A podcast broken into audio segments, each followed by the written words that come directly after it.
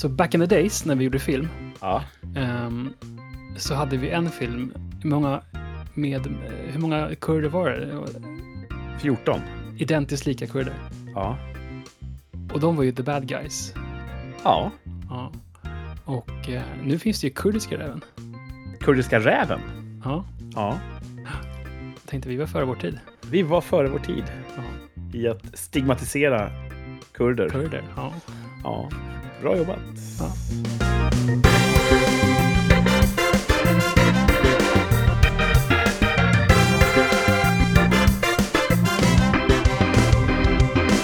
Det här är inte vilken dag som helst. Det här är en dag när Rikssamtal sänder utan Thomas. För en gångs skull. Mm. Ja, han eh, kan inte vara med idag.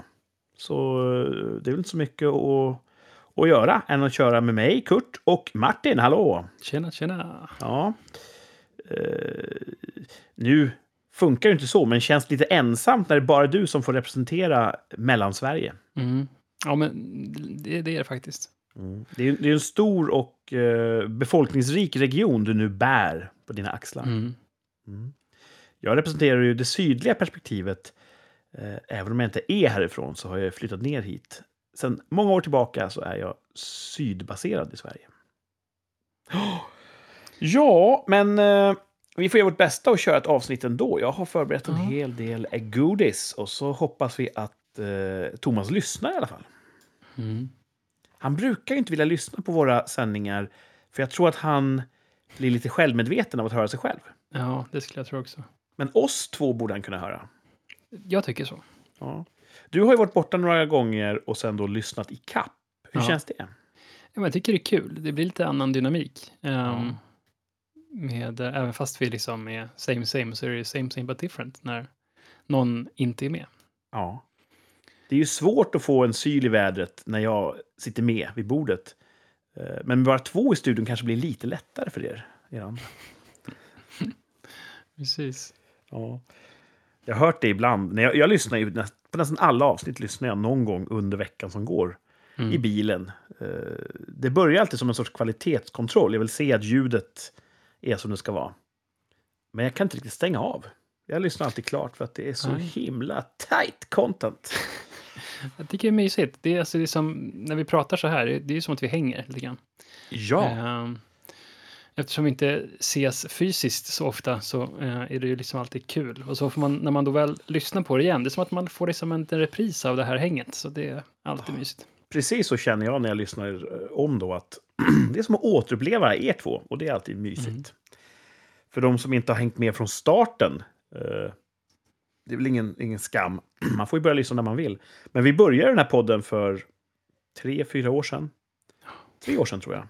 Med eh, den enkla anledningen att vi sågs lite mer sällan än vi ville. Så vi eh, bytte ut våra telefonsamtal mot en podding-session istället. Mm. Det här har vi berört tidigare. När vi växte upp körde vi mycket så här trepartssamtal. Och så var det sån här en ton som talade om att vi är i ett trepartssamtal. Och då var det alltid en sport att fort man hörde tonen skulle alla upprepa den från sitt håll. Boop, Ja. boop, boop, boop, boop. Ja, det var jättekul för oss. Jag tror att om Säpo avlyssnade så var de rätt trötta på oss. Ja. Nu är det betydligt lättare för Säpo att avlyssna. Det är bara att ratta in poddspelaren varje vecka på rikssamtal. På tal om vecka, hur har din vecka varit Martin? Alltså, vi, vi, vi har ju fått vår lilla vovve nu som vi väntat på. Mm. Det har Valplycka. Valplycka hela veckan. Och en valp är ju en valp. Så att det har varit mycket kissa inne och till och med bajsa inne. Ehm, nästan varje dag faktiskt. Så att, men det blir bättre och bättre. Och, men hunden känns liksom ganska... Eh,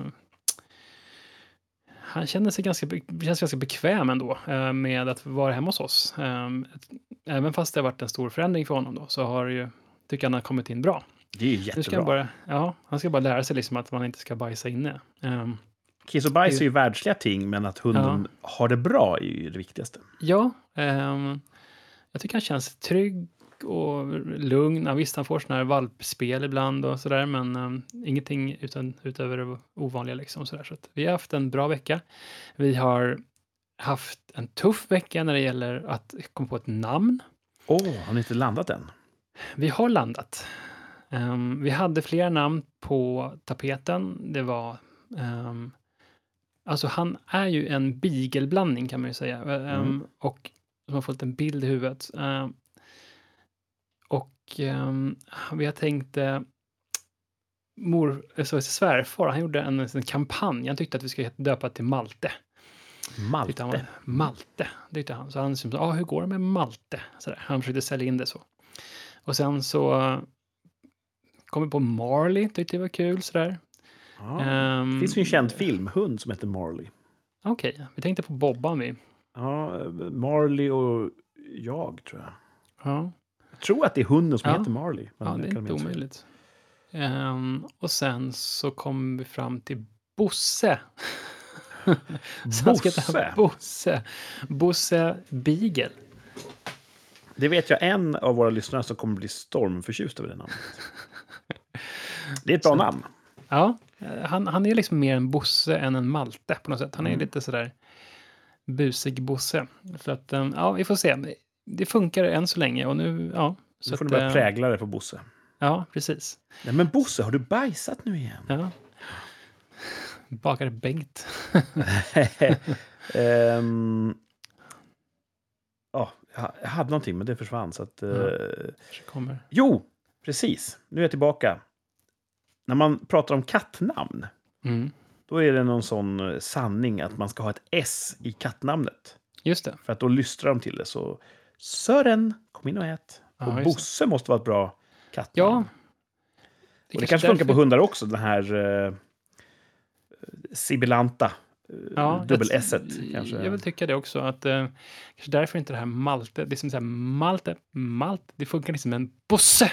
Det kan man liksom mm. trycka på lite. Um, så att, ja men, vi har haft det bra. Han har ju som, vissa dagar har varit jättebra och vissa dagar har varit lite sämre. Eh, men det har stadigt gått liksom, åt ett bättre håll. Så där. Det har gått hela tiden blivit bättre.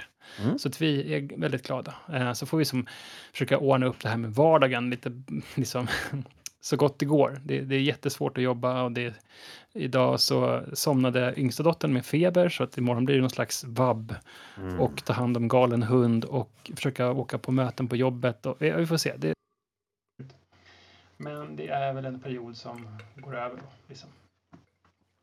Men vi har, alltså vi har hunnit med ganska mycket ändå. Vi har varit eh, hos min syster igår och eh, vi badade faktiskt. Mm. Så att um, igår var det 9 september och vi fick in ett, liksom ett sensommar höstbad och det var väldigt varmt och skönt. Det var ju, idag var det 25-26 grader här uppe. Uh, jag vet inte om det räcker. Uh, så ja, det låter ju underbart. Vi plockade svamp. Um, så bad och svamp. Svamp är väl en höstig ja, grej va? Ja. Um, ja, det har varit en uh, händelserik helg. Nu uh, lät det som att din mikrofon växlade över till en annan mikrofon. Jag hör inte dig. Hör du inte mig? Nej. Nej. Jag tror att ditt ljudkort har uh, hoppat ur. Okej. Okay. Mm. Det här är ju jättebra underhållning för er som lyssnar. Jag ser Martin, jag hör Martin, men dåligt. Han verkar inte kunna höra mig. Ja, nu hör det mest spännande är Ja, ja. Okej. Okay. Nu ska vi se om jag kan fixa... Hör du mig nu? Jag hör dig. Det lät som att din mick växlade över till någon annan mick. Ja, det gjorde den. Um, jag, jag har ju hade problem i början här av sändningen, eller innan vi började sända, att det ja. var ett missljud från min mick. Då bytte jag sladd och den sladden sitter inte så bra i min mikrofon, så den halkade helt enkelt ur. Ja i botten här. Så att, uh, oh. Jag vet att när Thomas lyssnar på det här avsnittet kommer han ju ha eh, jätte, jätteroligt åt det här. eh, varsågod Thomas. Hoppas att eh, karamellen smakar. Oh, Okej, okay. men du hörde vad jag sa ungefär? Jag hörde allt du sa. Ja, fast och det, tror jag att, eh, det tror jag att lyssnarna också gjorde. Mm. Så egentligen okay. ingen skada skedd, förutom lätt, lätt förvirring. Men jag tror att det är lite grann det folk kommer till tillbaka för vecka efter vecka. Ja, jag ber om ursäkt. Eh, Ja, men det är aldrig ens är- fel att en USB-sladd slinter. Nej, jag ska se, jag ska tejpa fast den här. Eh, Men apropå det här med eh, svamp ser jag som en höstig eh, produkt. ja, Och att då ha högtrycksvärme och bada och plocka svamp, det är någon sorts märklig eh, hybrid eh, årstid. Ja, det är det verkligen. Mm. Ehm, men väldigt trevligt ändå. Det har varit eh, en trevlig helg. Och vi har ju då svampmästaren, alltså min systers kille, som, han är Mm. liksom en riktigt supervass på att hitta liksom svampställen. Och vi var ute i skogen en, en timme där och liksom plockade. ehm, och vi fick väl ihop någon liten så här halv kasse liksom var, eller så här lite grann, du vet, lite skit i botten. Mm. Och då var han bort på eget håll liksom, så kommer med en sån här jättestor korg, liksom, helt proppfullt i kanten, hade han varit och plockat då. Så fick vi ta en hel, egentligen en hel sån ICA-kasse, pappkasse då med svamp, eh, helt full. Men vad är hans metod? Han har ju det i blodet. Hans far är också brutalt duktig på att plocka svamp. Eh, han har väl då minnet vart han har hittat svamp förr. Så att Alltså erfarenhet kan man erfarenhet helt enkelt. Han Mm. känner sin, sina marker där, han, där de bor där. Det är väl kanske inte svårare än så, men han har väldigt bra sinne för det. Så att, eh, det kändes som att vara på svampsafari, då, som att han har, titta där Martin, där kan du plocka svamp. så det kändes det väldigt... Jag har haft väldigt dålig svamplycka i mina dagar, så att, eh, det var jättekul att kunna få eh, ett proffs som styrde. Är det ett bra svampår generellt sett? Jag tror det med tanke på, alltså, det är svårt, man ser ju de här, alla som postar sina svampbilder på Instagram och så bara, åh, kom igen. Och så står man där med sin egen kasse med svamp och man är ju väldigt stolt. Så att det blir lätt lite svampbilder ändå. Uh, så jag förstår alla att alla, man blir väldigt stolt eh, och jag tror med tanke på hur mycket bilder som har setts i år att det har varit ett bra år faktiskt. Det har varit ganska blött här eh, under eh, sen, under sommaren här och sensommaren så att jag tror att det har varit ett bra år för svampar. Mm. Ja. Eh, Det här är ju ingen hemlighet. Jag är ju inte så glad i svamp som Nej, resten av befolkningen. Och det inser jag att det är ju jag som avviker. Det är ju mig Mm. det är, är fel på. Mhm. Eh, Men jag kan inte hjälpa det. Jag tycker inte att det är gott eller aptitligt eller Nej. lockande på något sätt. Eh, Och jämt när pizzerian gör fel och lägger Mm. på svamp fast de inte borde, så vräker de alltid på. Det känns som att det är en billig råvara. De Ja. snålar aldrig med cha- champinjonerna, utan de, Nej. de ska på överallt. Liksom. Ja. men, Så- Hade man tyckt om svamp så hade det varit en underbar värld att leva i, för svamp Mm. finns ju överallt. mm. Ja, det är väl liksom den största organiska massan på jorden. Det är väl svamp och allt sånt. Ja. Eh, Men eh, det finns ju såna här vanliga gula kantareller, så finns det såna här höstkantareller som heter, eller bland alltihop dem, de här svart, lite mer mörkare, svartare kantarellerna. Eh, Så jag köpte faktiskt en svamptork idag. Oj, oj, oj. Välkommen till medelåldern. Lä- lägga dem, lägga dem på eh, tork och så kan man lägga dem i en burk och så kan man använda dem sen i, i, i vinter när man tycker att eh, man vill ha svamp i någonting. Vi har ju Ja. blivit våra föräldrar. Ja, snart blir det surdeg och sånt där med att det har varit glutenintoleranten. Ja. Men eh, också en, en svamptork eller en frukttork kan man också ha till att torka 3D-filament med. Ja. Eh, 3D-filament har ju en tendens att suga åt sig vatten. ehm, när, de står, när de bara står eh, utan att de är vakuumpackade. Och eh, det är inte bra när man ska skriva ut. Och då blir det som att det blir små vatten Ångblåsor, typ. ångblåsor som det smattrar lite grann när man printar. Och då, det blir väldigt skört då när man ska printa. Mm.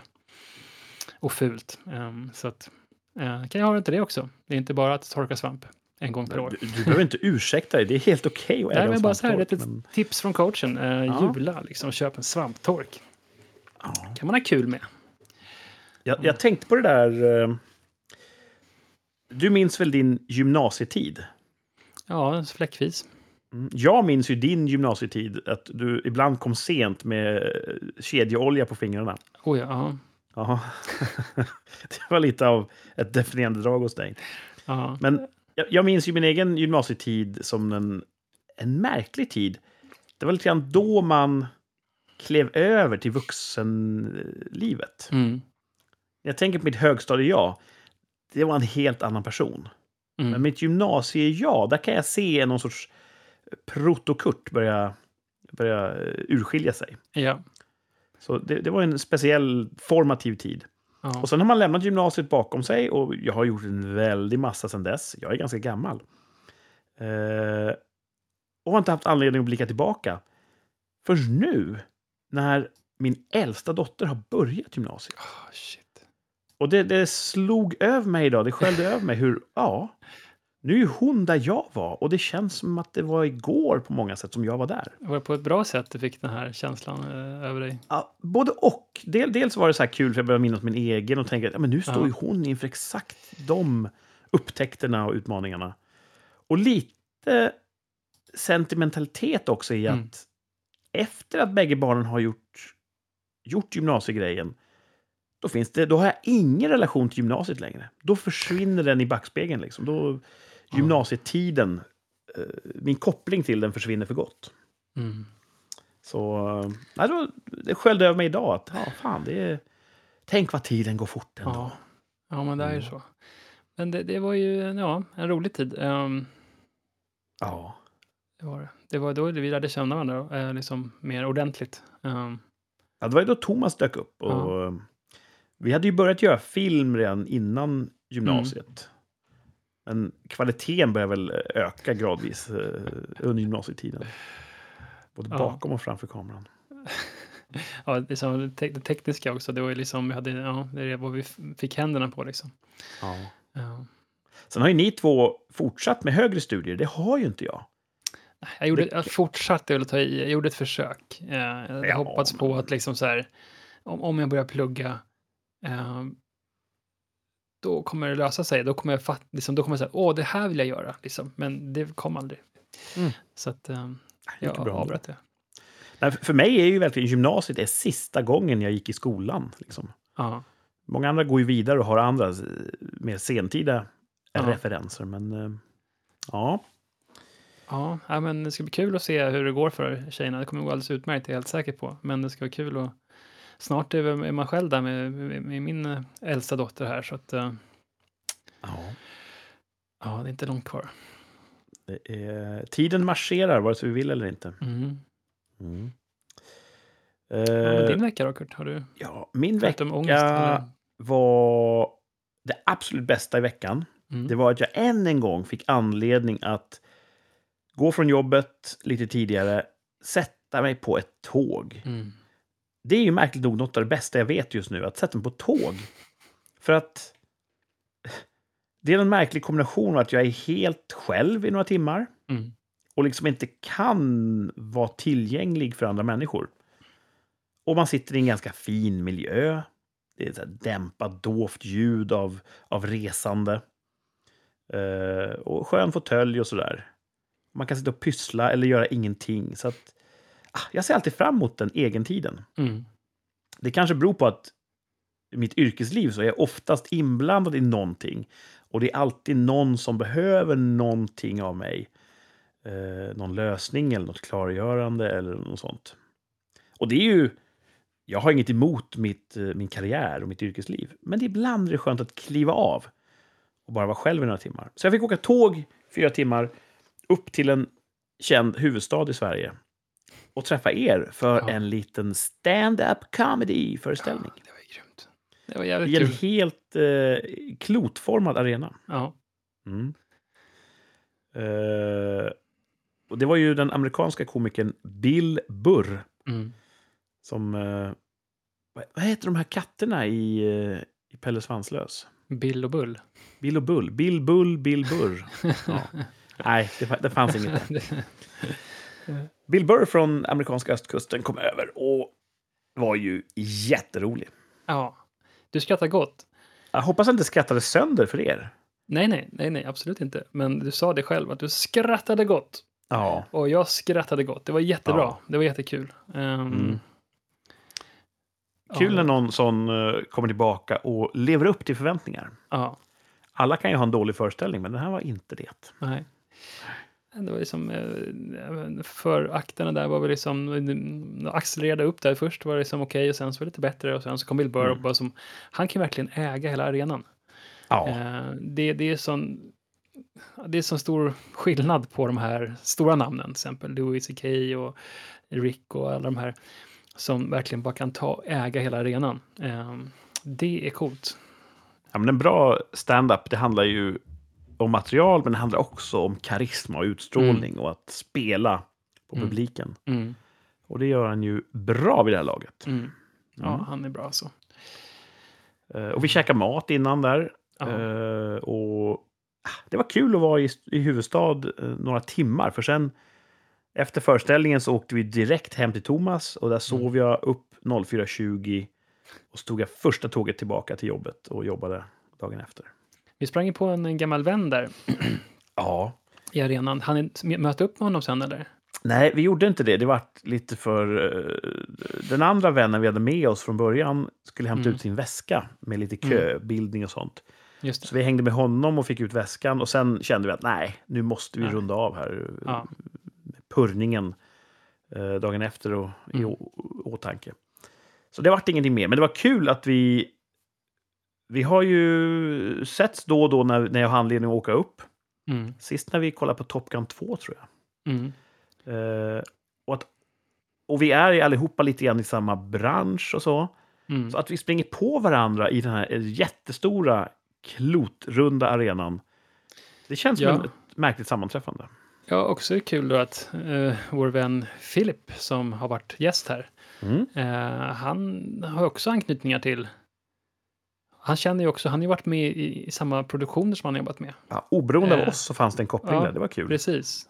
Han jobbar ju med, eh, inte Philip då, men eh, vår kompis, han jobbar ju med animation och, och eh, tv-spel just nu. Mm. Eh, som är jäkligt coolt. Han, han är en cool kille, helt klart. Han har jobbat, för, första gången jag träffade honom var ju, för han kommer från din sida, om man säger så.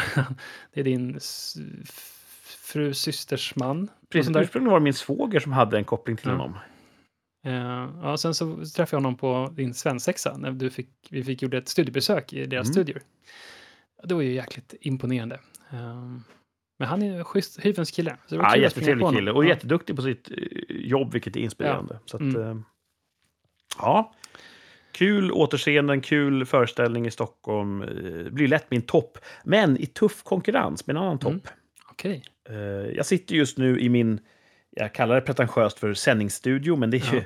det är ett skrivbord här i mitt sovrum. Mm. Eh, och jag har haft ett Ikea-skrivbord ett tag.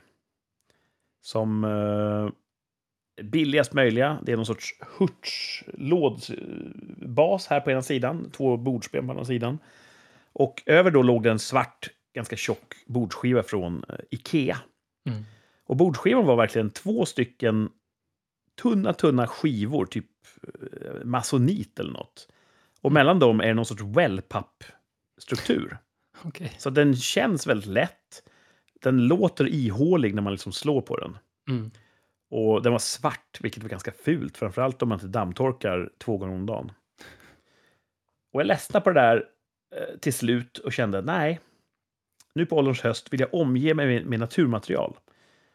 Och så såg jag att det fanns en sån här arbetsskiva i ek. Och det är då Oj. lite så här typ B-C-kvalitet. Det är lite maskätet och lite skavt sånt där. Men då har man satt Mm. ihop bitar av ek och ask i, limträ.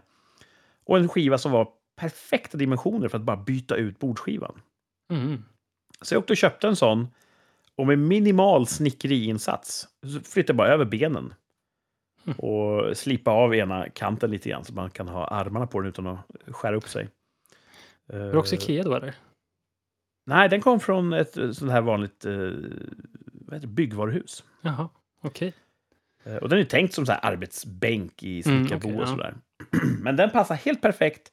Och det känns mycket mer som att jag är nära naturen nu när jag sänder. Är Kanske låter det lite bättre också med en eh, solid ek istället för någon så här jävla resonanslåda från Ikea. Ja, det såg ju väldigt fint ut i alla fall. Det Ja, det, det, det behövs inte mer än så. Jag kommer kanske fortsätta min naturfetisch. fetisch. Mm. Nästa projekt är att jag ska måttbeställa ett, en fårskinnsdyna till min eh, kontorsstol. Mm. Så jag sitter som en kung på fårskinn. Och sen kanske jag köper en jacka av vadmal så att jag ja, kan röra mig tyst genom samhället. Det kommer inte från eh, familjegården då, det här fåret. Jag skulle ju kunna göra det, men eh, Jag tror inte att de vet så mycket om hur man bereder Nej. fällarna. Kanske kan ta med sig till någon. Det är mer kött de eh, är ute efter Mm. där. Ja, men vad trevligt. Du kommer få Ja. ditt perfekta boende här, eller din studio. Sakta men säkert så blir det bättre och bättre. Ja, Jag är ju- Ja. Jag har gjort mig skyldig till vissa uppgraderingar i tekniksidan. Eh, och det är för att det, det är som en hobby. Jag tycker det är kul att hålla på och pilla med ljud. Hobby slash beroende. Jag har Ja. investerat i, i speciella USB-kablar som sitter fast och sådär. Sånt, sånt tycker jag sätter guldkant på tillvaron. Ja, ifall ditt ljudkort skulle paja så har du två, tre andra som ligger och skräpar, så det går ju bra. Ja, ja, det är, Ja. redundans borgar för säkerhet och trygghet. Jag har ett projekt här, jag måste också ta och göra det faktiskt. Jag byggde ju mitt skrivbord här själv också i, i källaren här, med det är en stor MDF-skiva liksom. ehm, Mm. Som är målad i vit och den ser ju väldigt solkig ut nu. Så den ska jag behöva, tänkte jag skulle måla någon slags, här, någon slags neutral mörkgrå eller någonting. Mm. Eh, den ser anskrämlig ut. Eh, jag har en sån här extra, jättestor musmatta också som är lite mjuk och skön. Som är sån här typ en och, vad kan det vara? En och, ja, en meter gånger 50 centimeter kanske. Oj, som en sån här skrivbordsunderlägg typ. Ja, precis. Fast den är gjord av som musmattematerial. Mm. Eh, och sen har jag såna här eh, skärplattor och såna här som man kan hobbymattor som man kan skära på såna grejer också. Eh, men nej, det ser lite ofräscht ut här så jag måste faktiskt måla om här. Så jag kanske också ansluter till ett upgrade. Gör det. Du är ju mycket bättre snickare och, och, och byggare än vad jag är. Så du kommer säkert då kunna nå högre verkshöjd. Asch, tror jag inte. Eh, Jag har ett starkt barndomsminne till eh, de här typ garagegolven där vi Mm. växte upp som var typ så här Mm. epoxy. Mm. Och så Med med, färgflagor, liksom, Ja. färgflingor på.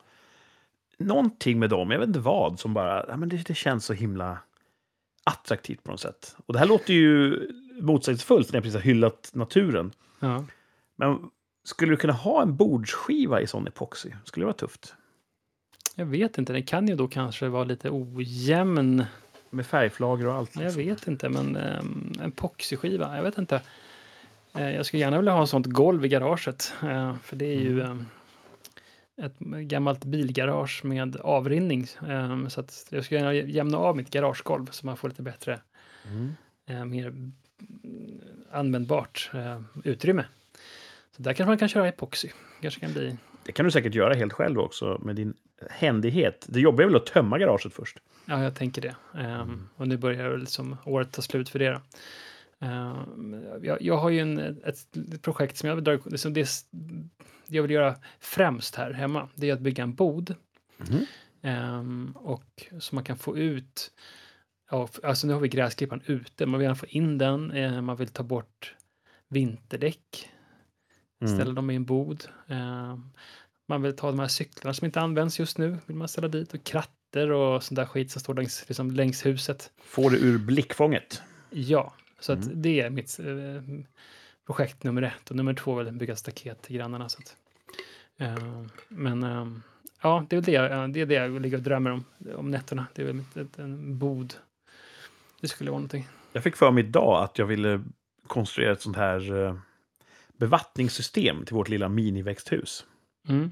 Med en sån bevattningsdator som bara pip, Mm. pip, pip, slänger ut eh, droppbevattnare och, och dimenheter som, som sprayar fin dimma i växthuset några gånger om dagen. Ja, du kan, eh, du kan få allting gratis av mig. Oj, har du gått den vägen redan?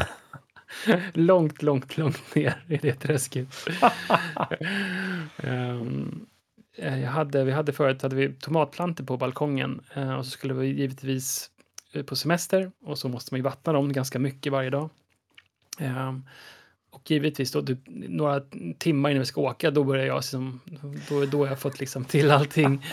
Ehm, men det gick lite skogen där för att den här vattningsdatorn, den klarade inte av att liksom, det låg en vattenpelare då. Det liksom- upp till balkongen från utkastet så är det kanske tre meter rakt upp. Ett mottryck då? Ja, så att ventilen gick, inte, gick aldrig igen. Mm. Så att ehm, när vi kom hem så liksom, då, då, då rann det ju vatten från balkongen ut ner på uteplatsen. Eh, och det, vi har inte varit borta så länge då, men, men länge nog för att eh, alla tomater var väldigt övervattnade. Um, så att uh, jag har lite respekt för det nu, för att jag gillar inte ditt vatten uh, när det gäller hus och vatten gillar jag inte, när det liksom kan börja läcka in i källare. Man, man vill inte gärna ha någon liten så här kinesisk batteridriven mojäng som Nej. kan slå på och av vatten helt självständigt. Nej, precis. Så att, men nu köpte jag faktiskt en och så skulle jag precis innan senaste semestern så köpte jag den här nya bevattningsdatorn. Jag vågar inte lita på den där gamla. Den är säkert helt okej. Okay. Den är bara inte konstruerad för som jag hade använt den då. Utan mm. då köpte jag en ny och så precis, givetvis den här gången också, några timmar innan vi ska åka, så, så här, programmerar den och så sätter jag igång. Och så strör jag på vattnet och så börjar det droppa liksom. Mellan då eh, från utkastet börjar droppa. Så att mm. då är det mm. någon packning som är körd i ah. själva utkastet. Så vill man inte ha så, det stå när man är borta. Nej, och det är helt omöjligt. Så, så fick jag beställa en ny sån eh, och det hann inte komma hem innan eh, jag skulle åka på semester. Så att, då blev det ingen bevattning. Då fick vi be grannarna, så det gick alldeles utmärkt och att de kunde vattna också. Men... Så nu har jag två datorer, jag har säkert 10 meter bevattningskablar, jag har små sprinklers, jag har små droppenheter. Så att, eh, säg vad du vill ha så kan jag skicka ett paket. jag tänkte att vår odlingssäsong är ju snart över, men eh, jag ska ägna hösten och vintern åt eh, efterforskning. Och så kommer jag bygga någonting till nästa vår. Ja. Eh, vi har ju ordnat det så att min fru har många sysslor. Mm. En av dem är att vattna allting. Eh, och då tänker jag att bygger jag själva infrastrukturen mm. så blir det åtminstone lättare för henne att bara vrida på en kran och Just låta det. det gå i, i fem minuter och sen stänga kranen. Det är betydligt lättare att dra fram slangar, öppna upp lock och luckor och mm. sånt där. Ja, det räcker med att man är borta tre dagar och så har det varit 28 grader varmt och sen då är allting dött. Liksom. Ja, så och det, vi kanske har en vattendator ja. som får stå, jobba då just sådana tillfällen. Men eh, kanske också någon sorts kamera som kan övervaka att det inte spårar ur. Ja. Och så något eh, helt separat system där jag kan stänga vattenflödet om det är så att vattensdatorn kukar ur, som det vetenskapliga namnet Ja, precis. Ja, det finns ju faktiskt när... Um, vi, jag, jag, fick... Oj, hör mig fortfarande? Ja. Bra. För jag är du på fast, grejerna nu igen? Ja, jag, råkade, jag skulle klia mig så jag dra med hela den här kabeln upp i luften. Eh, mm. För den hänger helt dumt här. Men, eh, vad skulle jag säga? Uh, så synsk är jag inte. vad pratar vi om? Um, Ja, ja, ja, ja, att man kan ha redundans, en ja, kamera och... Ja, precis. Vi fick en sån här, heter en, dat en liten sån här burk som man klämmer fast på vattenröret. Mm. Um, så Likbot heter den, så vi fick mot, för, från vårt försäkringsbolag gratis. Och den lyssnar med en mikrofon då, ska jag tippa, på vattnet, röret. Om det är ett flöde. Så att om den då, eh, den lär sig hur du förbrukar vatten och sen om den då upptäcker att det läcker, så får du ett, ett, ett notifikation. Mm. Eh, och då får man min 5% rabatt på hemförsäkringen. Det är ju fiffigt. Vi ja. hade en eh, toalettstol som stod och smårann lite grann. Mm. Det var så att den här flottören aldrig riktigt stängde helt. Mm. Så att det smög in lite, lite vatten jättelångsamt och då svämmade det över ner i, eh, i toalettstolen. Så det var ingen risk för översvämning. Men vi, och med vi menar jag pallade inte fixa det där. Och sen kom det en vattenräkning och den var ju helt jättestor. Oj. det där lilla, lilla, lilla konstanta överuttaget, det gjorde skillnad. Ja. Så fick jag byta insatsen där och, och, så var det problemet löst. Så man ska ha respekt för vatten och, och tid. Mm. Mm. Ja, det finns Va? ju sådana här för hemautomatisering. Man kan faktiskt ha sådana här eh, fjärrstyrda motorventiler som man kan stänga av hela mm. sitt vatten. Det är ganska bra faktiskt. Det borde man ha. Jag ska göra en plan uh, som jag kommer att exekvera nästa vår och så blir min frus liv kanske en procent bättre. Precis. Måste, mm. För att kunna vattna så måste du ligga på samma wifi-nätverk och så måste du kunna trycka på den här. Ja, det bli så uh, veckans botten. Mm. Det är ju, nu låter det som en, en tråkig kille, men det har varit lite för varmt för mig. Mm. Vi hade 29 grader tror jag igår. Ja, det är det som kommer upp idag till oss. Och eh, vi har, jag bor ju nära en strand som är väldigt populär. Och den är, var helt nersprungen under den här extremhettan som mm. kom sent på året. Mm. Uh, min dotter skulle åka buss från en, en, en av de större städerna i närheten. Och då var den bussen full av folk som vallfärdade mot stranden. Okej. Och hon kunde inte ens av på sin hållplats för att det var, liksom, det var packat som sillar i, i gången. Så... Och det är väl, har man ingen större botten än så så har man väl det bra. Mm, ja, men det var är lite för varmt. En del tycker ju om värme. Ja. Och då blir det en sorts topp. Ja, men det varit lite, jag tycker faktiskt det har varit trevligt. Idag har det varit ganska varmt. Jag har varit på tippen idag så jag fått, min dag gjorde jag lite baklänges. Jag skulle planera liksom, vi har ett scoutmöte på onsdag och så skulle jag åka till tippen och så åka till eh, eh, sån här eh, second hand butik med massor med prylar. Så gjorde jag allting i fel ordning så att eh, second hand butiken han hann stänga och eh, jag fick åka jättefort till tippen för jag började planera scoutmötet. Så att, jag vet inte, min eh, När du är på tippen? Ja. och ser andra människor som Ja. kanske har svårt för att backa med släp eller ställer sig helt galet. Är det då så att ditt hjärta ömmar för dem? Eller är du som jag, att du sitter bakom ratten och högljutt kommenterar alla andras eh, tillkortakommanden? Ja, det, det är lite blandat. Um, ibland kan man tycka synd om folk som inte får ut saker um, sina släp, men ja, det- är lite amatörernas afton där faktiskt, det brukar Mm. vara. Ehm, Jag, jag är en stor cyniker och, och aldrig så mycket som på soptippen. ja, men jag kan Mm. vara den som hänger över kanten på elektronikskrotscontainern och kollar ner där, bara drömmandes sitta. Man får ju inte ta där, men man Nej. vill ju. Man vill ibland. Mm. Därför är det bra att jobba på ett företag som har en egen elektronikskrot. Får ni komma in där? Ja. Jag är inte säker på att man får ta där heller, men man kan stå där och drömma istället för att jobba. Ja. Ja. Ehm, vi ska faktiskt gå vidare och snacka lite nyheter. Mm. Veckans nyheter. En liten chans för de som lyssnar i kapp från framtiden att eh, få en känsla för vad var det för samtid som det här avsnittet sändes i. Jag har gått igenom eh, nyhetsflödet här och eh, en av de stora grejerna är ju en jättetråkig nyhet. Det har varit en jordbävning i Marocko. Har du hört det? Mm. Ja, men det har jag hört. över 2000 döda tror jag. Och, och det är stor katastrof, eh, det behövs mycket nödhjälp och så vidare. Och med risk för att gå full asshole så jag lider med människorna som, Mm. som, eh, som har det svårt just nu. Alltså marockanerna, jag är på er sida. Men det finns ju en del av Marocko som i typ slutet av juni väldigt högfärdigt ville fördöma Sverige, Ja. kallade hem sin ambassadör och sa att Sverige är jätte, jätte, jättedumt. Mm. Och jag undrar hur de ser på det här att ser man det som ett tecken från en högre kraft? Att, att Marocko har drabbats? Tänker man då, varför kunde inte Sverige drabbas? Det är ju Sverige som är dumma mot den här gudomen. Jag vet inte. Nej. Men Jag började, jag började, tänka de banorna och jag var inte stolt över det. Men jag kunde inte låta bli att på något sätt, jaha, så ni fördömde oss och så gick det så här. Ja, det var ju tråkigt. Och det är ju fruktansvärt, för det handlar ju om människor som dör. Men eh, så jobbar jag. Inte din eh, proudest moment, men eh, Nej, tanken dök ändå upp. en av många ostolta ögonblick. Ja, de har helt otur där med kanske inte den mest eh, jordbävningssäkra infrastrukturen där. Eller husbyggande heller. Så att det krävs inte så mycket för att det ska bli väldigt ödesdigert. Jag hoppas att Sverige kan skicka hjälp. Ja, för att vara the bigger guy. De, de trevliga mar- marockanerna behöver ju hjälp och då ska Mm. de få det. Mm. Och så tänker jag också att prästerskapet kan tänka, oj då, vi kanske behöver omvärdera.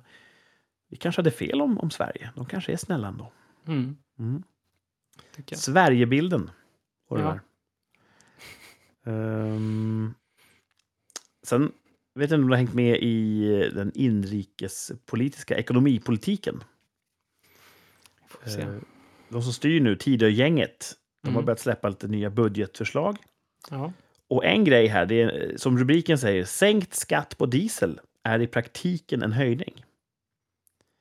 De har ju sagt då att vi ska nästa år sänka, sänka skatten på diesel med 43 Mm. öre. Och det är ju bra, för då blir det ju billigare tänker man.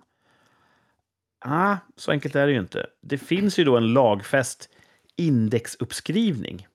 Så att skatten ska öka varje år, hur man än gör och så vidare. Mm. Det har ju tidigare regeringar fastställt. Och det är ju lag nu. Och räknar man in den då, indexuppskrivningen, så i praktiken så höjs dieselpriset med 15 öre nästa år. Okej.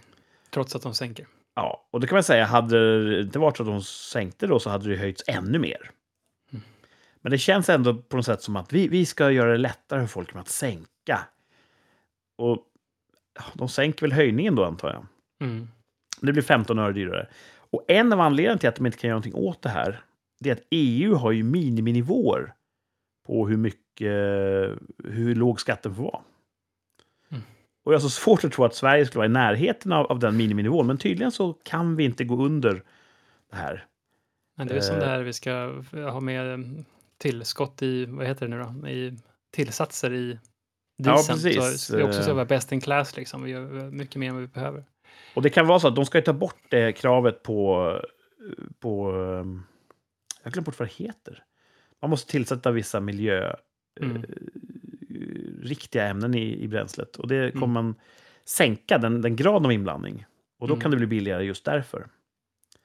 Men det som jag stör mig lite på, det var ju att inför valet, då stod ju Tidöpartierna och sa så här, vi ska sänka priset vid pump med 10 kronor om vi Mm. vinner valet. Mm. Och eh, med den här EU-lagstiftningen så låter det, det kan de inte göra. Nej. Känner de inte till EU-lagstiftningen när de lovade det före valet? Eller vad? Jag förstår inte. Nej. Är det så att de helt enkelt gav ett vallöfte som de inte kunde hålla? Mm. Mm. Ja, det är nästan bättre att de gav ett löfte som de visste de inte kunde, eller än att de gav ett löfte som de liksom inte förstod att de inte kunde. Jag vet inte vad som är Det värst. som är värst. Den som kör bilen är ondskefull eller inkompetent. Jag vet inte. vad- Ja. Vet vad inte som är sämst. Nej. Men... ah. Och det är väl ingen hemlighet var min politiska lojalitet ligger generellt sett. Mm. Men här tycker jag faktiskt att man ska eh, risas den som risas bör. Jag tycker Mm. inte om när politiker säger saker och ting som de faktiskt inte kan eh, stå för. Nej, som det här fallet är ju också helt orimligt då. Liksom. Ehm, Ja. Det är inte ens i närheten. Nu snackar vi ören istället för Ja. 10 kronor, är ganska långt ifrån. Då. Och det kanske finns andra juridiska strukturer som gäller här. Jag vet inte. Ja. Men från mitt Nej. perspektiv som, som väljare så verkar det som att de gick ut och lovade saker inför valet som de Ja. inte ens hade en chans att hålla. Och det tycker jag är dumt. Eh, Det är de inte ensamma om i svensk politik. Nej, Men inte. eh, ska ändå kritiseras tycker jag när det sker. Men de sänkte skatten på snus, eller de vill sänka skatten på snus. Ja, men det är väl bra. Antar jag. Jag vet inte. Jag Ja, snusar ju inte. Nej, inte jag heller. Så att, ehm, kanske någon som blir glad där i alla fall. Mm. De säger att eh, inflationen kommer sjunka. Mm. Kanske ner mot 5 procent på årsbasis snart. Mm. Och det är bättre. Ja, alltså jag tycker det är deprimerande det här. Alltså det, priserna trissas upp och det är inte så att, det känns inte så att alla matvaruaffärer kommer säga, ja men nu, nu blir det bättre, nu kommer vi sänka våra priser. Alltså i vissa fall, men i största överlag kommer det inte vara så. Och våra löner höjs ju inte i takt med eh, hur priserna ökar och sådana grejer. Så att det känns som vi är lite så här fakt för en ganska lång tid framöver. Sen typ 90, när var det senast vi hade en finanskris? 90-talet tidigt. Mm. Så har vi haft reallöneökningar. De som Mm. jobbar har tjänat mer och mer och mer och mer och fått det Mm. bättre ställt. Och nu, under ett år, så har vi bara gått bakåt. Nu Mm. har vi fått mindre pengar helt plötsligt. Och det är väl så det är. det Det, hör väl till svängningarna, men eh, Ja. ja, Hur lång tid tog det senast att komma på fötter igen egentligen? det gick väldigt fort. Och Ja. som det mesta så kommer det här gå över. Mm. Men eh, ja, det bästa är ju om det inte blir för stora fall. Och då hoppas Mm. man att de som bestämmer fattar kloka beslut. För att Mm. inte förvärra åtminstone. Jag är, jag är inte så insatt som jag kanske borde vara. Men jag tänker att när bränslen och drivmedel är dyra Mm. så är det jättebra för klimatet. Men det borde också vara jättebra om man gillar inflation. För allting vi konsumerar, allting vi behöver som mediciner och sånt, och, och polisbilar, och även sånt som vi bara vill ha, typ god mat eller eh, en ny sladd. allt det måste ju fraktas med lastbil. Mm. Ingenstans i samhället har vi liksom fått bort det ur ekvationen. Och ökar drivmedelspriserna så ökar också transportkostnaderna. Vilket gör att priset måste öka på produkten. Mm. Och när priset ökar på produkten så måste lönerna höjas för att hänga med och då har vi inflation. Mm. Så när man såg då krig nalkas och bränslepriset är på väg upp, det var uppe i typ 28 spänn ett tag. Mm. Hade det inte då varit så att någon kunde ha sett det här kommer ju driva på inflationen. Mm. Det här borde vi akut försöka att stävja. Jag vet inte, för jag vet ingenting om ekonomi. Men det, det ter sig som att det inte riktigt hanteras på bästa möjliga sätt. Nej. Ja, det känns ju som att eh, politikerna borde veta lite bättre, men det är också så här, det är lätt att se tillbaks och vara efterklok sådär, men, men politikerna borde kunna ha mer in data i det här. Mm. och lite mer eh, expertis kan man tycka och kunna göra lite bättre beslut än vad de har gjort. Jag är ju efterklok och jag vill gärna ha politiker som är förkloka. Ja, Och det kan jag då med efterklokhet säga att det har de inte varit den här gången. nej. Nej. Ja. En annan stor, stor nyhet, kanske större än vad till och med jag förstår. Afrikansk svinpest har slagit till i Mm. Sverige. Mm. Har du, har du hängt med där? Ja, det är väl, eh, de har stängt av ett väldigt stort till ytan eh, område eh, i Sverige. Upp mot Dalarna till tror jag det. Eller så. Ja, Eh, där de har påträffat döda vildsvin. Eh, precis. Och de har hittat det här speciella viruset som kallas för afrikansk svinpest. Och det är ju Mm. jätte, jättesmittsamt. Och det är egentligen bara ett hot mot tamgrisar och vildsvin. Men det, det är så smittsamt så att det kan liksom slå ut hela djurbesättningar. Eh, mm, så de som är grisuppfödare där eh, befarar nu att de ska behöva bara nödslakta allt. mm. Och det är inte bra om man gillar bacon. Nej, det är det ju inte. Om man föredrar att eh, äta svenskt kött så kan det vara svårt att hitta svenskt griskött framöver och det är ju trist. Mm. Så det här kanske vi ska se med oro på. Men jag kan ju återigen inte låta bli att tänka på hur länge får det heta afrikansk svinpest? Det har ju gått bra så länge ingen känner till att det fanns. Men nu när alla snackar om den afrikanska svinpesten så kommer ju Ja. snart någon intresseorganisation säga att det här är ett rasistiskt namn. Ja, precis. Man måste ändra det här namnet. Så det, det lär väl ske. ja. ja, du har tyvärr rätt tror jag. Mm. Och jag kan inte låta bli heller att tänka att hur kommer den in? Är det Mm. så att det bara är så naturen gör ibland? Eller är det så att det pågår en hel del storpolitiska konflikter just nu runt vår jord? Där något land kanske tjänar på att ett annat land destabiliseras Ja, ekonomiskt och politiskt. Och hur svårt kan det vara att föra in lite svinpest i skogarna? Det är väl bara att gå ut och kasta lite omkring sig. Det, ja. Så jag vet, nu är jag ju superkonspiratorisk. ja, men eh, med tanke på om man ska liksom inte vara så blåögd som vi kan vara ibland här Mm. så är det väl inte en omöjlighet. Um, du har varit inne på det förut här med att diverse eh, bränningar av religiösa skrifter och såna grejer. Det, kan ju, det behöver inte vara den här enskilda individen utan snarare liksom en hel eh, någon annan regering som vill påverka oss i fel Mm. riktning då. Som har som iscensatt det där. Ja. Vi får väl kanske aldrig veta vad som händer, men eh, Nej. tänk om det är små svinpestspioner som springer i skogen. Ja, nej, det, eh, ja, vildsvin de, är ju inte, de håller sig inte i skogen heller. De tar sig in eh, nära där vi Mm. bor så att det är ju stor risk här för baconet. Eh, på föräldrarnas gård har de skaffat grisar. Tack och lov är de ju långt bort från, eh, från det här eh, vad heter det? episotologiområdet. Mhm, mhm. Eh, det är som en epidemi, fast när det gäller djur så heter det då episotomi. Ja, sodomi? Nej, hur som helst. De är säkert trygga än så länge. Ja. Men de går ju fritt och de lever ett riktigt bra liv. De har ju tillgång till inomhusvistelse och strö. De går in och ut hur de vill.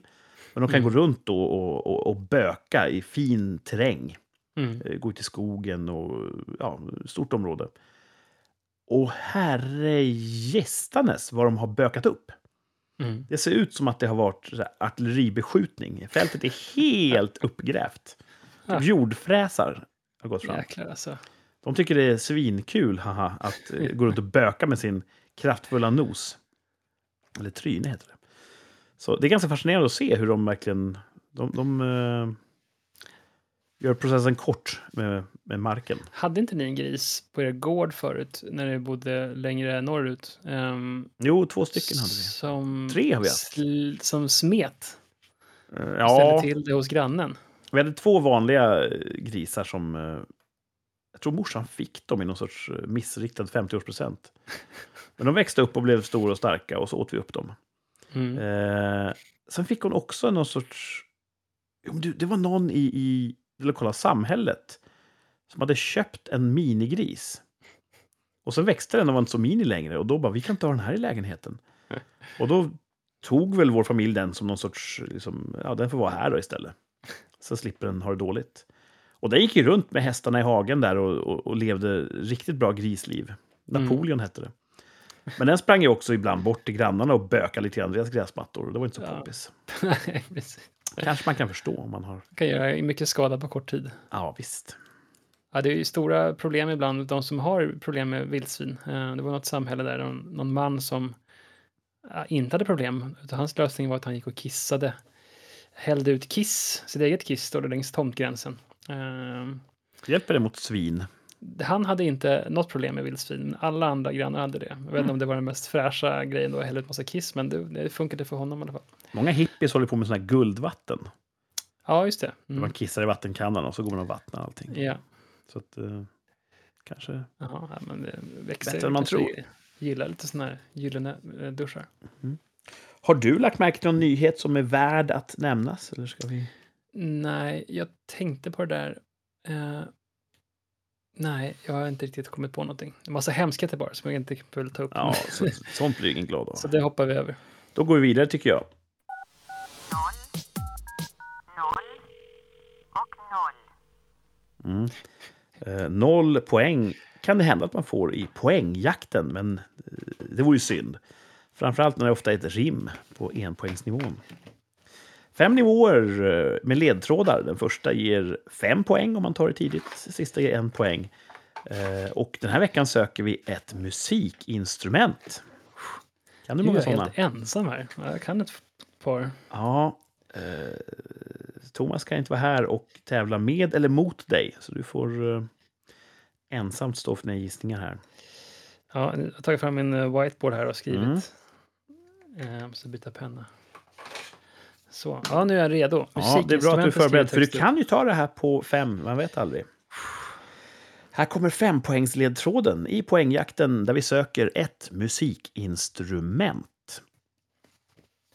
Band som The Doors, Grateful Dead och The Beatles använde det här instrumentet flitigt under 60-talet. Doors, Beatles. Vad sa du mer då? Grateful Dead.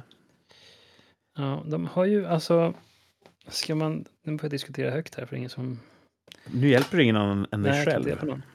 De har ju lite... De har ju eh, både Doors och ehm, Beatles har ju mycket så här orgel. Mhm. Eh, de har också såna här... Um, det finns en speciell orgel tror jag de har haft som... Som är liksom som såna här... Stri, st- eh, kassettbands liksom magnetremsor som man spelar in olika ljud på. Jag kommer inte ihåg vad den Mhm. heter riktigt. Ehm, så att...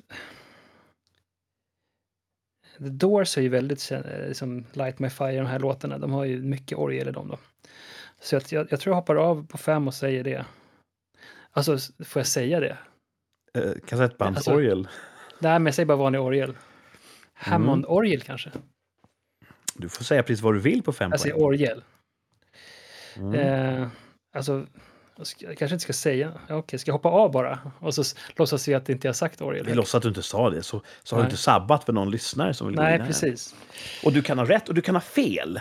Kan och det kan vi fel. åtminstone välja att, att hålla till slutet. För band, ett band har ju många olika instrument. Ja, Ja. Att, eh, det kanske är det vi söker. Det kanske är ett annat. Kanske det kan vara som helst. Vi- Vill du kliva på fem eller vill du Ja, fortsätta? jag kan kliva på fem. Med ett... eh, Det kan vara det, det kan vara någonting annat jag kliver av med. Vänta nu. Ingen som vet. Ja. Men du har skrivit Jag har det. skrivit ner det här. Mm, här är bra. Ja. Då tar vi då för uh, lyssnarskaran fyra poängs ledtråden. Instrumentet skrämde vissa organisationer så till den milda grad att det stundtals förbjöds från kommersiell användning. Mm. Ja, men då kanske jag ändrar mig. Men jag kommer inte... Jag, jag, jag, alltså jag förs... Ja. Oh, Thomas sitter och, och, och skriker rakt ut nu i lyssningstagen. Just det med att det skräm, då tänker man på sån här... eh, eh, mm, lite mer åt rockhållet där. Att eh, de har, ja, jag förstår. Men eh, ja, ja, ja, spännande. Ja, vi, vi tar en trepoängare då för, för lyssnarna och Mm. för Thomas. Tre poäng. Robert Moog ses som en av de första som byggde ett sådant instrument. Även om Herbert Baylor och Harry Olson var sju år före. Nu blir jag lite eh, gladare.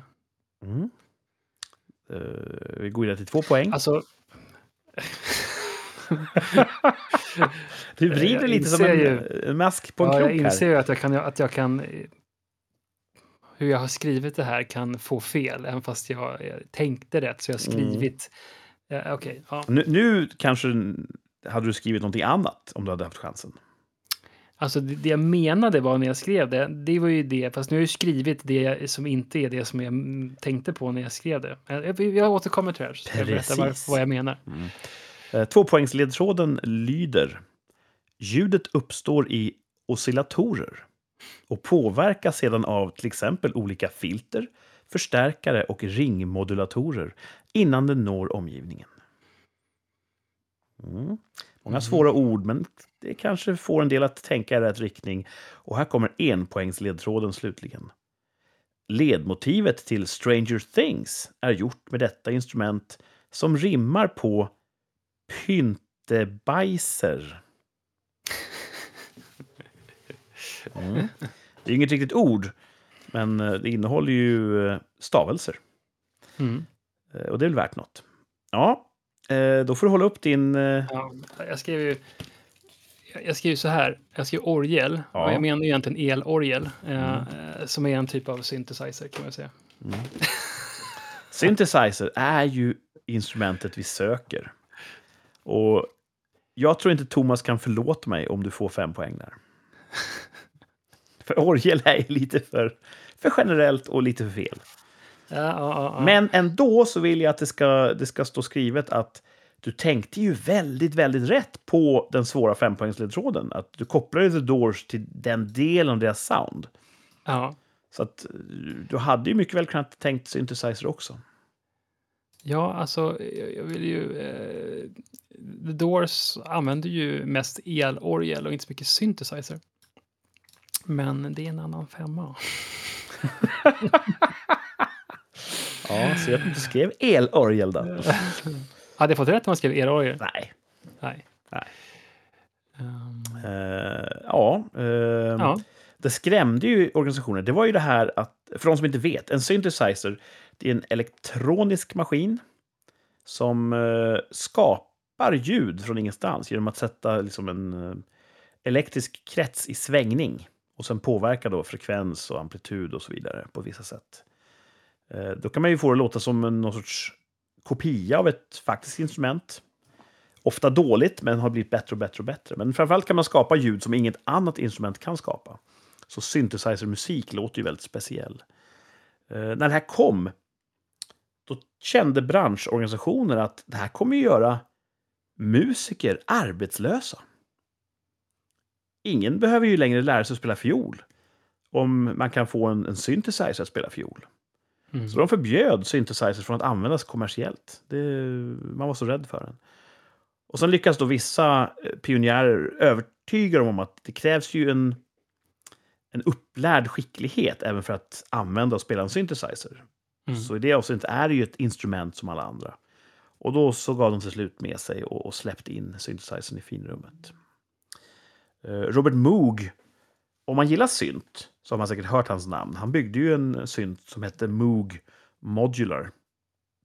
Och det var ju typ en, en jättestor mojäng där man fick dra sladdar och koppla ihop olika kretsar med varandra. Och så sätt styra vilket ljud som skulle komma ut. Eh, och sen byggde han då senare en Mini-Moog som var väldigt, väldigt populär och jättemånga använde Mini-Moogen Mm. och dess sound. Eh, sju år före Robert Moog så var det faktiskt två stycken herrar på RCA, det var ett ingenjörsföretag. De byggde en, eh, den första synten kan man säga, som var stor som ett rum. Mm. Eh, och ja, det blir väldigt tekniskt, men ljudet uppstår i oscillatorer. Mm. Och det kan man ju säga, det gör ju en fiol också. Eh, Strängen är ju en oscillator. Vi byggde ju en um, eh, synt på tekniken. Det kanske vi gjorde, ja. En sån här bistabil vippa som man kan ha. Mm. Eh, jag ser att, eh, jag börjar här, jag har googlat Mm. eh, vad, vilken, vilken, vilken, vad använder de för um, synt eller organ? organ. Mm. det, the Vox Continental Combo, Combo Organ använde The Doors. Mm. Ehm, så de hade faktiskt det här klassiska uh, Doors-soundet var ju en orgel. En elorgel. Men Beatles hade ju um, Hammond-orgel hade de också. Det var ju orgel, orgel, orgel. Ja, det bygger väl på något hjul som svänger tror jag, runt för att Ja, jag tror att det är lite grann sånt som... eh, Det är nästan det är mer en mekanisk, klassisk... eh, elektromekanisk. Ja. Och så finns de här, jag kommer inte ihåg vad de heter, där som jag pratade om, de här som hade den här, Mellotron tror jag heter. Mm. Eh, m- Mellotron-orgeln, det är det här som eh, har de här magnetiska eh, banden då som man spelar in, precis som ett kassettband. Och sen Mm. så varje, eh, så kan man typ transponera varje, eh, det här tror jag. Eh, Men, men, står det ja. på din källa att The Doors inte använde synthesizers under 60-talet? de har säkert gjort det, men de använder deras... Så, så egentligen så har, har du liksom inget case. Ja, men jag tänkte just, både om man kollar på vilka instrument som Beatles har använt Mm.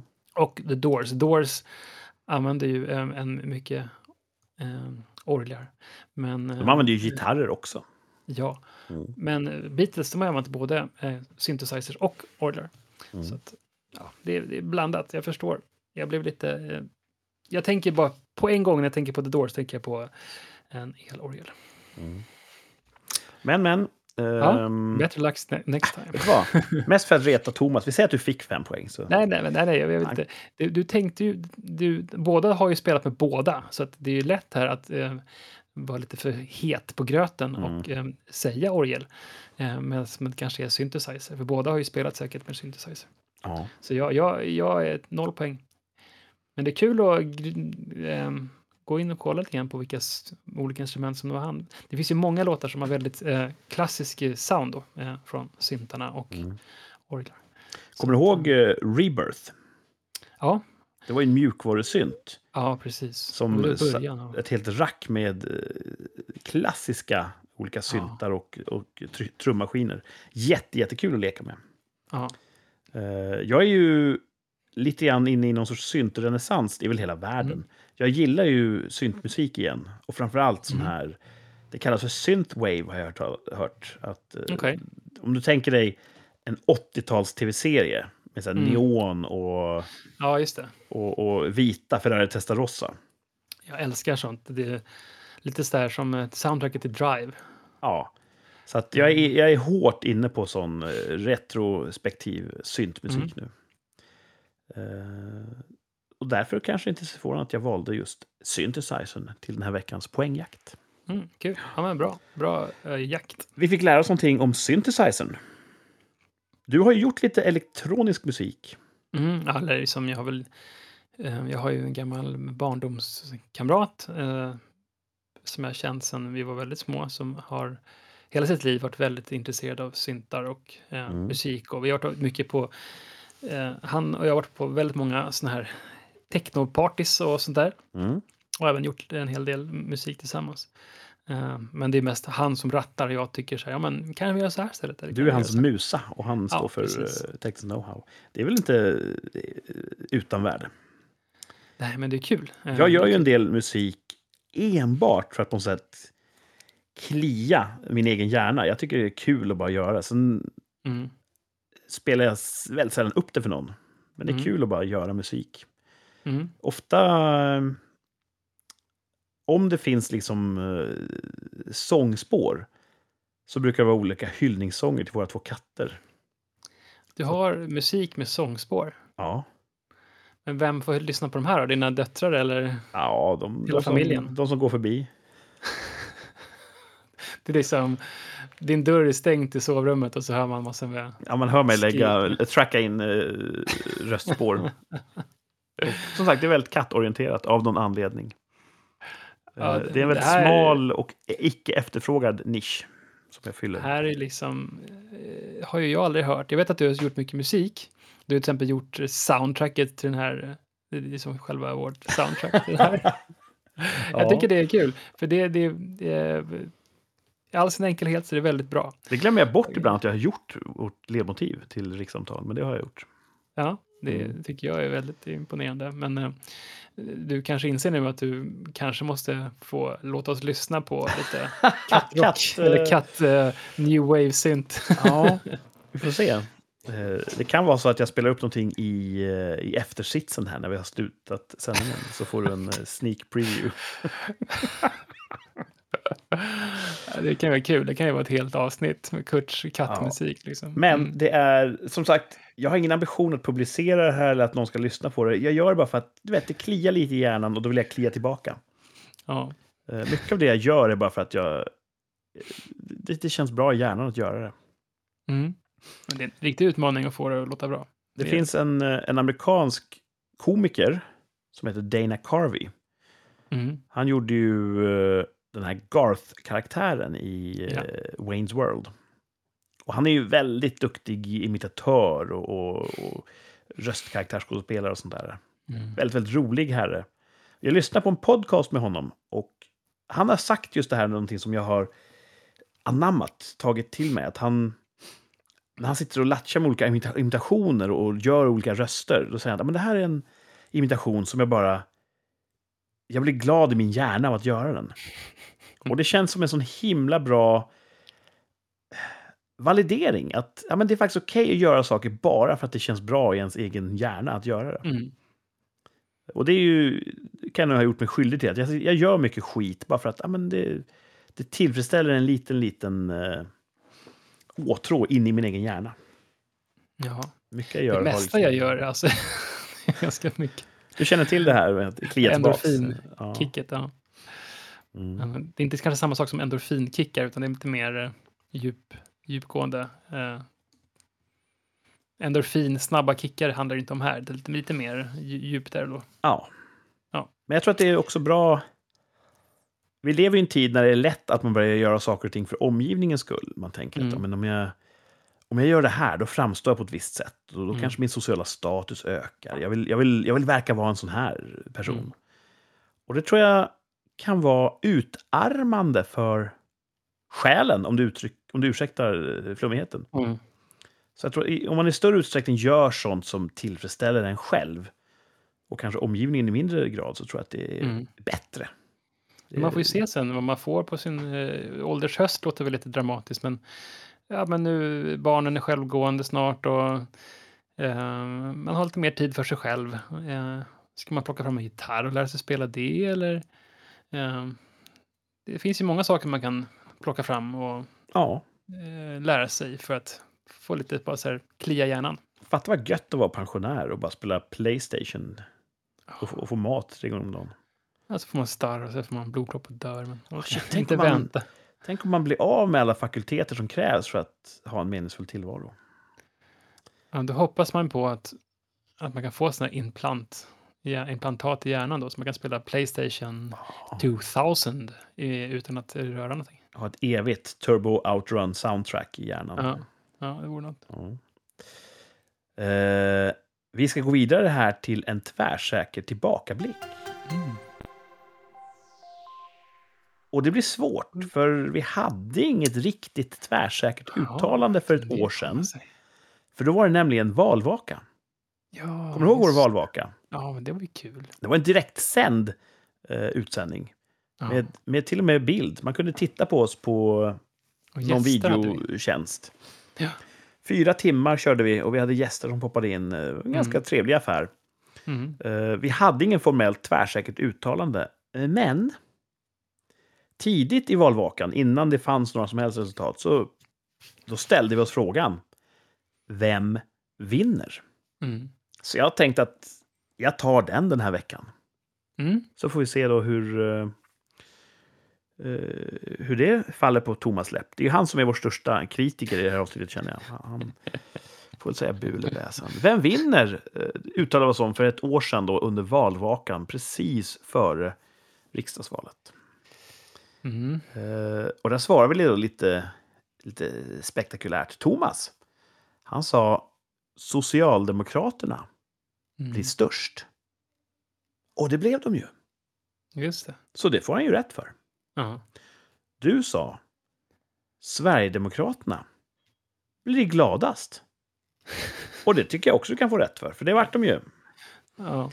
Eh, De andra Tidöpartierna har ju på något sätt fått förhålla sig och kompromissa och ja, vi får väl ta med dem i båten. Ja.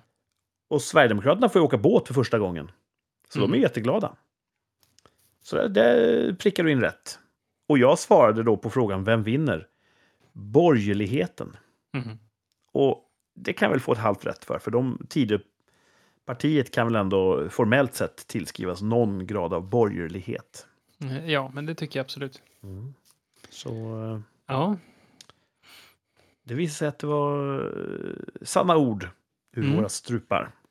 Ja, nu tycker väl eh, SD liksom att nu säger de väl snart för att den är foten här att nästa gång då, får, då vill inte vi vara något stödparti. Ja, precis. Nu börjar de kaxa sig här. Så då får vi se vad som, eh, det kan bli ganska stökigt då. Men Jag tror finanspolitiskt så är de lite närmare socialdemokratin än de är Ja, borgerligheten. Ja. Så det vill inte mycket till för att de bara ska hoppa över till eh, att bli ett, ett sossestödparti. nej, just det. Eh, Jag tror inte man ska ta dem för givna. Nej. Och det handlar bara om att, att sossarna måste inse att de... eh, De kanske inte står så långt bort från resten av, av, eh, av Sverige Mm. vad gäller synen på invandringsfrågan. Men, men, den som lever får Mm. se. Eh, Vi ska Mm. inte uttala oss om, om politik idag, du och jag. Ehm, känner du till att Turkiet inte heter Turkiet längre? Ja, de heter Turkey. De, de, de, de vill inte heta Turkey eller? Precis, på engelska Ehm. framförallt hette de då Turkey, kalkon på engelska. Ja, Och nu har de sagt nej, vi byter namn. Formellt sett på engelska så heter vi Turkie. just det. T-U-R-K-I-Y-E. Och Mm. fonetiskt känns det som Turkey. Det kommer Mm. fortfarande heta Turkey. Ja. Så det är väl stavning då som särskiljer dem från en populär fågel. Mm. Eh, Holland har också bytt namn på engelska. De Mhm. bytte namn då år 2020 formellt sett till Nederländerna, the Ne- Netherlands. Mm. Eh, långt innan dess så vart ju Ceylon bytte namn till Sri Lanka. Mm. Siam har bytt namn till Thailand. Burma blev Myanmar och eh, den lilla afrikanska uppstickaren Swaziland blev Eswatini. Mm. Och det sistnämnda vet jag inte om de har gagnats av än. Eh, jag känner inte kanske till något av dem. Ligger det ens i Afrika? Jag bara antog det. I guess. Vad är din känsla för Swaziland? Låter afrikanskt. Ja. Men ge upp den, för nu är det Eswatini du ska ha en känsla för. Mm. Vi ska uttala oss idag om eh, Indien. Kommer Mm. Indien att byta namn till Bharat? Hmm. Det har eh, börjat sändas signaler om det nämligen. Okej. Eh, Bharat är det namn de använder på sitt namn på sanskrit, eller vad det heter. Eh, Mm. Men på engelska har de sagt India. Mm.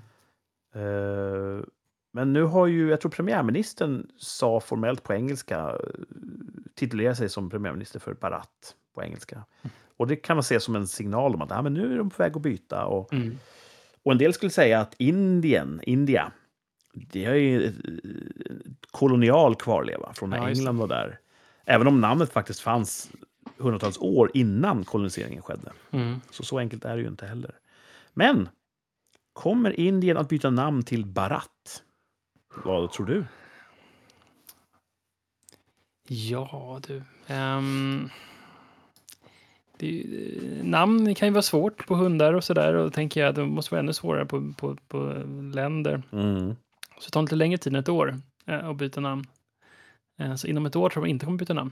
Ah, du tänker att det finns byråkratiska saker som... eh, Ja, men bara sådär. Som att det Mm. byter man ett namn sådär över en natt. Eller måste vi förankra? Intressant och aspekt. Stöta och blöta. Ja. Hur tänker du? Mm. Eh, Jag har skrivit nej på det här. Ja, Mm. Jag var inne på ja, men på något sätt så tror jag att jag varit lite mm, påverkad av ditt svar här. okej. Jag tänker att eh, viljan finns, Mm. men sen hur gör man? Mm. Vem är det man skickar in blanketten till? Finns det en blankett för ett land att byta namn? Jag kan tänka mig att det är en sån här grej som, ja, ja, FN kanske styr det. Och de säger, Mm. ja, handläggningstiden är, är 17 månader. Mm. Så jag säger också tvärsäkert nej. Mm. Och då har jag ändrat mig från tvärsäkert ja. Så att eh, även jag kan vara en vindflöjel ibland.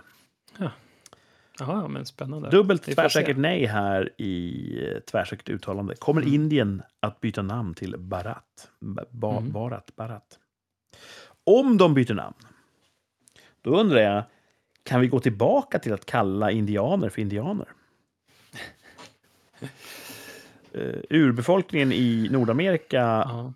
kallades ju tidigt för indianer för att Columbus trodde han hade kommit eh, den västliga sjövägen till Indien. Mm. Men så var det ju inte. Och då kan man ju förstå att det känns lite nesligt att bli kallad för indian när det är ett missförstånd. Mm.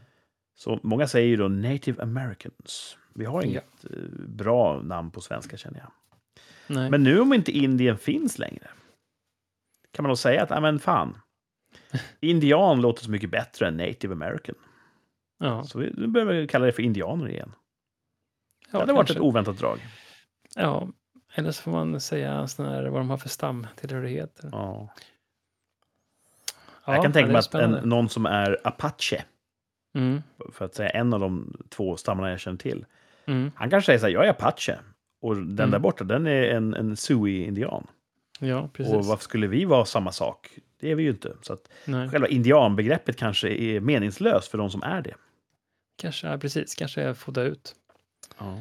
Ehm, men det är spännande. Alltså det är, jag vet inte vad, hur alla eh, i befolkningen i Indien känner inför det här att um, det som ska nu ska vi byta namn från att vi ska vara Sverige till något helt annat. Det, det är någonting man har levt med ett tag ändå, så jag vet inte hur lätt det är att bara, hur- vilket eh, stöd de har. Det ska vara intressant att gräva lite mer i det. Mm. Borde Sverige byta namn? Uh, nej, tycker jag inte. Nej, nej, det borde vi verkligen inte göra. Nej. Få inga idéer nu, Uffe Kristersson. Nej. Eh, bara för att du råkar ha regeringsmakten här i tre år Ja. till så ska du inte få några galna idéer. Ta det lite lugnt. Mm. Får pumpa lite på bromsen där. Tide Mm. Jag kan tänka mig att det är en eh, inte helt bekymmersfri färd att åka i den här Tidöbilen. Det är nog många spretiga Nej. viljor som finns. Absolut. Sverigedemokraterna är nog en nagel i ögat på stackars Uffe. Och så tror jag Liberalerna, de är ju, har alltid varit, kommer alltid vara pajasar. Mm.